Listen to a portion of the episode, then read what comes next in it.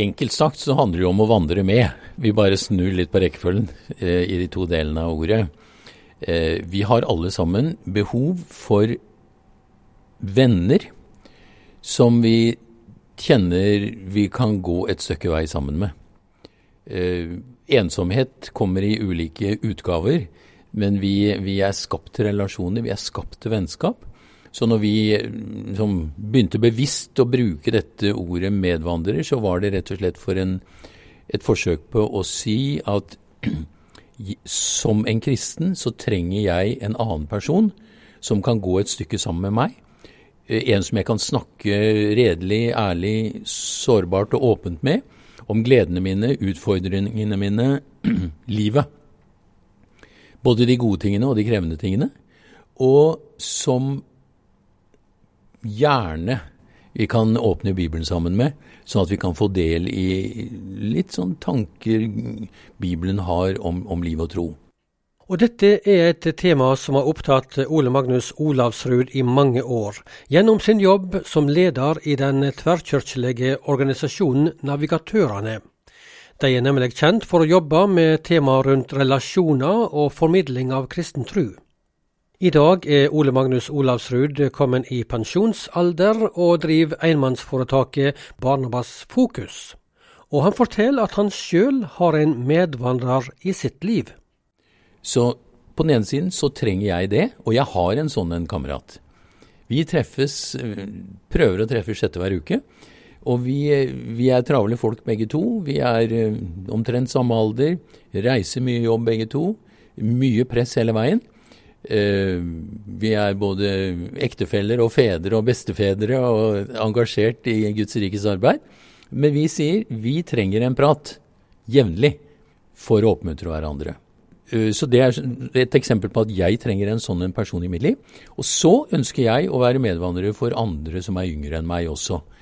Eh, og komme opp langs sida av dem, snakke med dem om tro, liv, tjeneste eh, være litt i Bibelen sammen med dem. I det hele tatt oppmuntre dem, utruste dem til å leve som disipler, og til å hjelpe nye mennesker til å bli disipler. Og dette med medvandring fikk en spesiell betydning for Ole Magnus Olavsrud i hans ungdomstid. Ja, igjen, altså det å vandre med. Det var sånn jeg sjøl kom til levende tro på Jesus, for jeg, jeg vokste opp med det. Eh, i, eh, i misjonssambandssammenheng og indremisjonssammenheng i Indre Østfold. Eh, vokste opp med det og syntes det var naturlig for meg, for det var den kulturen jeg hadde vokst opp med. Men fra jeg var midt i tenåra, så slokna dette bort. Så da jeg kom til Oslo og begynte å studere på Veterinærhøgskolen, så regna jeg meg ikke som en kristen. Jeg husker jeg oppsøkte det kan være samme hvilken sal det var i Oslo, for det kunne sikkert vært det samme om det var i Misjonssalen eller Staffels gate eller eh, hvor det hadde vært. Men jeg gikk i hvert fall Jeg prøvde en gang. Jeg hadde ingen opplevelse av at noen så meg, la merke til meg. Jeg kjente meg bare som luft. Og jeg tenkte shit heller, dette er ikke noe. Her finner jeg ikke noe. Og, der, og da levde jeg godt eh, syns jeg. Eh, syns uh, veterinærstudiene var kjempeinteressante. Eh, så var vi ute for å feire en eksamen. Så ble vi utpå kvelden kasta ut av restauranten fordi vi hadde drukket for mye. Da kom, skulle jeg krysse gata, um, og da ble jeg påkjørt av ei drosje. Ikke noe sånn veldig, men jeg ramla i hvert fall i gata. Og da ble jeg bråedru. Noen dager etterpå denne opplevelsen, så kom Ole Magnus Olavsrud i kontakt med en kristen medstudent. Og lang historie kort. Det utvikla seg et vennskap som kanskje var det første ordentlige vennskapet jeg hadde hatt i mitt liv. Han var mye sammen med meg på, i mine ting. Eh, så når han foreslo at vi kunne begynne å lese eh, Johansevangeliet sammen, så sa jeg først nei en to-tre ganger, tror jeg. Men så til slutt sa jeg ja. Og dette Da opplevde jeg han som en medvandrer. Han var opptatt av meg, mine spørsmål. Vi gikk inn i Bibelen sammen. Han klarte ikke å svare meg på alle spørsmålene mine, for han var ikke så, så gammel kristen sjøl heller. Men da oppdaga jeg at Jesus ikke bare var Guds sønn som døde for syndene mine, men da oppdaga jeg også at Jesus yndet å kalle seg for menneskesønnen. Og da skjønte Ole Magnus Olavsrud noe nytt når det gjaldt kristentrua? Ikke bare en som på sett og vis var litt sånn fjern ved å dø på et kors, for syndene mine, det skjønte jeg at jeg trengte, men jeg trengte samtidig en Jesus som var et medmenneske, som var menneskesønn, som skjønte seg på det livet jeg prøvde å finne ut av. Og det var denne summen av et vennskap med en som gikk et stykke vei sammen med meg, og det at vi oppdaga Jesus som en venn og en medvandrer i Bibelen. Og så traff jeg noen av vennene hans. og det var liksom Summen av dette gjorde at uh, Jesus tok tak i meg på en måte som gjorde at jeg skjønte at dette gjaldt meg. Og så sa ikke han til meg 'Lykke til, Ole Magnus, nå er du blitt en kristen, dette går bra, vi ses i himmelen'. Men vi fortsatte å treffes, vi. Han og jeg leste Bibelen sammen, og nå begynte vi å be sammen, for nå hadde jeg tatt imot Jesus. Og dette førte til at de begynte å be for vennene sine? Eh, og nå begynte vi forsiktig å be for de ikke-kristne vennene våre på studiested. Og så var vi liksom plutselig på en forsiktig måte litt sånn engasjert i å prøve å, å nå andre. Og så fikk jeg se noen medstudenter komme til tro, og da gjorde jeg det samme med dem da, som han hadde gjort med meg. Jeg prøvde å hjelpe dem til å finne Jesus og til å vokse i Jesus. Og så, sånn har dette vært egentlig. Livet mitt. Det er det jeg har drevet med hele veien. Eh, så når vi for eh, noen år siden skrev en bok som heter 'Langs samme vei', en ressursbok for medvandrere, så var det bare en måte å skal vi si, sette på papiret det jeg alltid har eh, trodd på, og det jeg alltid har prøvd å leve. I denne sendinga på Petro så handler det om temaet medvandring. Det å ha venner å snakke med om tru og liv, gjerne fra ulike generasjoner. Vi er ofte veldig blyge i å snakke enkelt og sårbart om tru, og det må vi øve oss i, fordi ungdomsgenerasjonen lengter etter å ha voksne til stede i livet. Ja, det sier Ole Magnus Olavsrud, som har lang erfaring i det med relasjonsbygging og det å snakke om kristen tru mellom venner. Men først, sier Bibelen noe om medvandring? Ole Magnus Olavsrud tar fram flere navn fra Bibelen sitt persongalleri. David og Jonathan er et godt eksempel. Kong David. Kong David. Han, eh, ja, det kan du si, men det var før han ble konge. Det var da ting gikk helt av skaftet for kong Saul, eh, og David eh, måtte rømme. Og da står det om Da utvikla det seg et vennskap mellom Jonathan, Sauls sønn, han som egentlig skulle tatt over, så utviklet seg et veldig godt vennskap mellom David og Jonathan. Eh, og litt rørende å se hvordan liksom, Jonathan prioriterte vennskapet med en som egentlig var en konkurrent til tronen. Og så står det vakkert at Jonathan styrket Davids mot i Gud. Og det, Sånn tenker jeg med medvandrere. Vi, vi skal ikke klistre mennesker til oss selv for å skape en usunn avhengighet, men vi kan oppmuntre mennesker, hjelpe mennesker til å styrke deres tro, deres mot til Gud. Det er lett å bli motløs. Så David og Jonathan, et eksempel.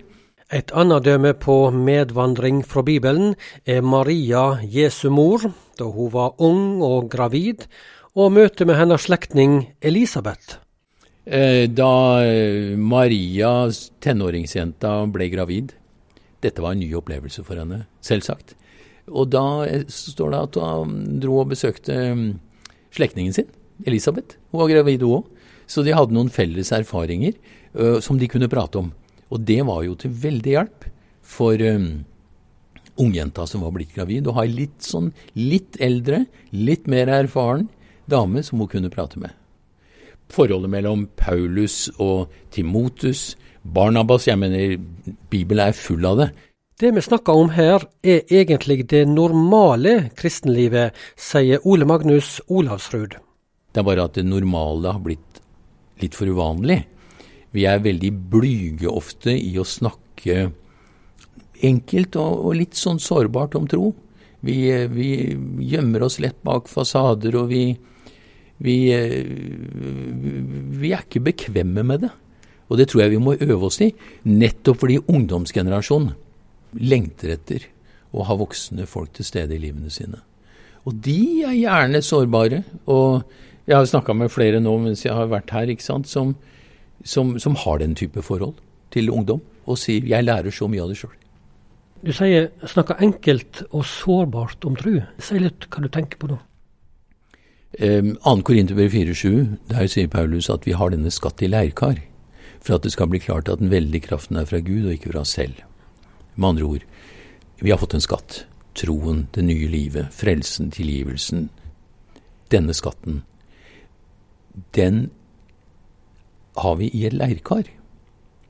Det er ikke den glaserte, veldekorerte, tjukkvegga, prydefulle krukka, men det er i et leirkar.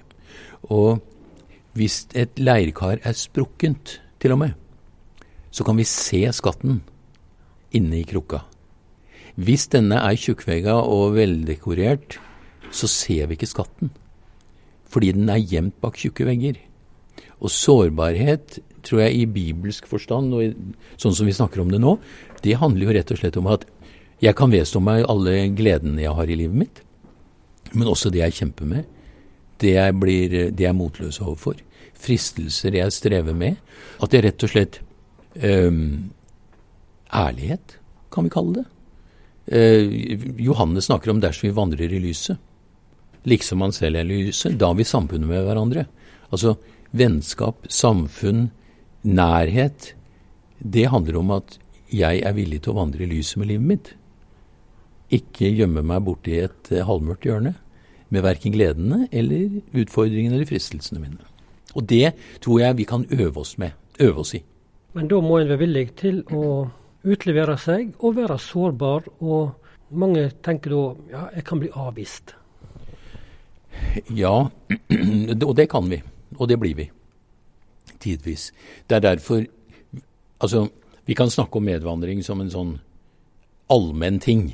Jeg mener, det kan være at um, Som en sa til meg i dag, ikke sant. Du kom med en hyggelig kommentar til meg. Takk skal du ha. Jeg mener, Det er bare sånn som skjer i farta. Når vi snakker om medvandring i denne sammenhengen som er nå, så er det rett og slett at vi to stykker blir enige. Det kunne være deg og meg. At vi var enige om å si at vel, hvordan hadde det vært om vi en gang i måneden, eller sjette hver uke, tok oss en kaffekopp sammen, prata sammen, leste litt i ordet sammen, ba for hverandre, midt i det vi står i. Men da måtte vi være enige begge to. For du må gi meg adgang til livet ditt. Jeg kan ikke kreve det. Eh, og jeg vil gjerne gi deg adgang til mitt liv. Fordi jeg sant, I Hebrevbrevet 3, 12-14 så, står, så er Hebrevbrevets forfatter veldig eh, realistisk. Han, han sier at synden er ute etter å bedra oss, og når han har bedratt oss ei stund, så forherdes vi. Eh, og i eh, første test tre så snakker Paulus helt realistisk om at han, han, lurer på om arbeidet hans hadde vært forgjeves med de nye kristne i Tessaloniki. For han visste at djevelen er ute etter å ødelegge for oss. Så jeg må nesten velge. Vil jeg leve i mitt eget glaserte, tjukkveggede liv med tilsynelatende alt er bra? Eller vil jeg åpne opp litt og si at jeg trenger faktisk deg? Du kan være et uttrykk for Guds nåde i mitt liv ved at vi kan snakke sammen. Eh, men som sagt, vi må ville det begge to. Ingen kan avkreve noe av hverandre. I dagens sending på Petro snakker vi om medvandring. Vennskap mellom to der en kan snakke om liv og tru. Seinere år har det i norske menigheter blitt et sterkere fokus på dette temaet.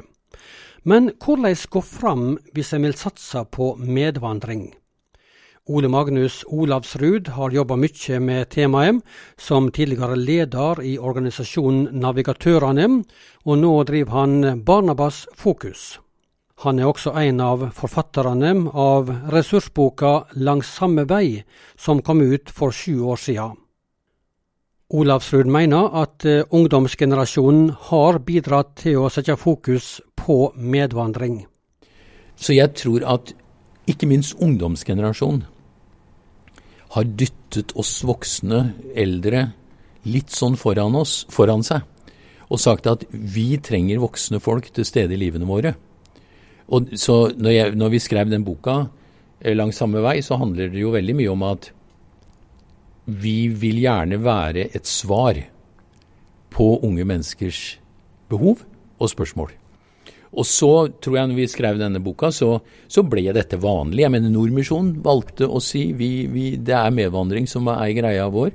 Det er det når vi driver med lederutvikling i Akta og på andre deler av arbeidet, så er det medvandrere vi trenger. De satte i gang et opplæringsopplegg. Nå jobber jeg med, med Akta, med Nordmisjon, eh, for å videreutvikle dette. Eh, NLM er opptatt av det, men vil komme videre med det.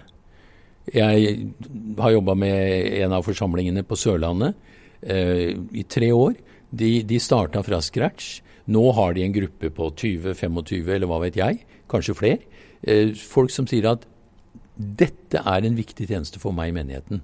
Dette vil jeg prioritere. Men det tar tid, det må jobbes systematisk. Det må skapes, et, det må skapes en ny kultur. For ikke minst i Misjonssambandet så har en jo en veldig sterk og god tradisjon på forkynnelse i noen grad smågrupper. Eh, men den har jo hatt en veldig tiltro i positiv forstand, men kanskje litt i overdreven forstand, at forkynnelsen løser alt. Eh, vi har nettopp sett i første Tessalonikerbrev at Paulus er opptatt av å føre samtaler.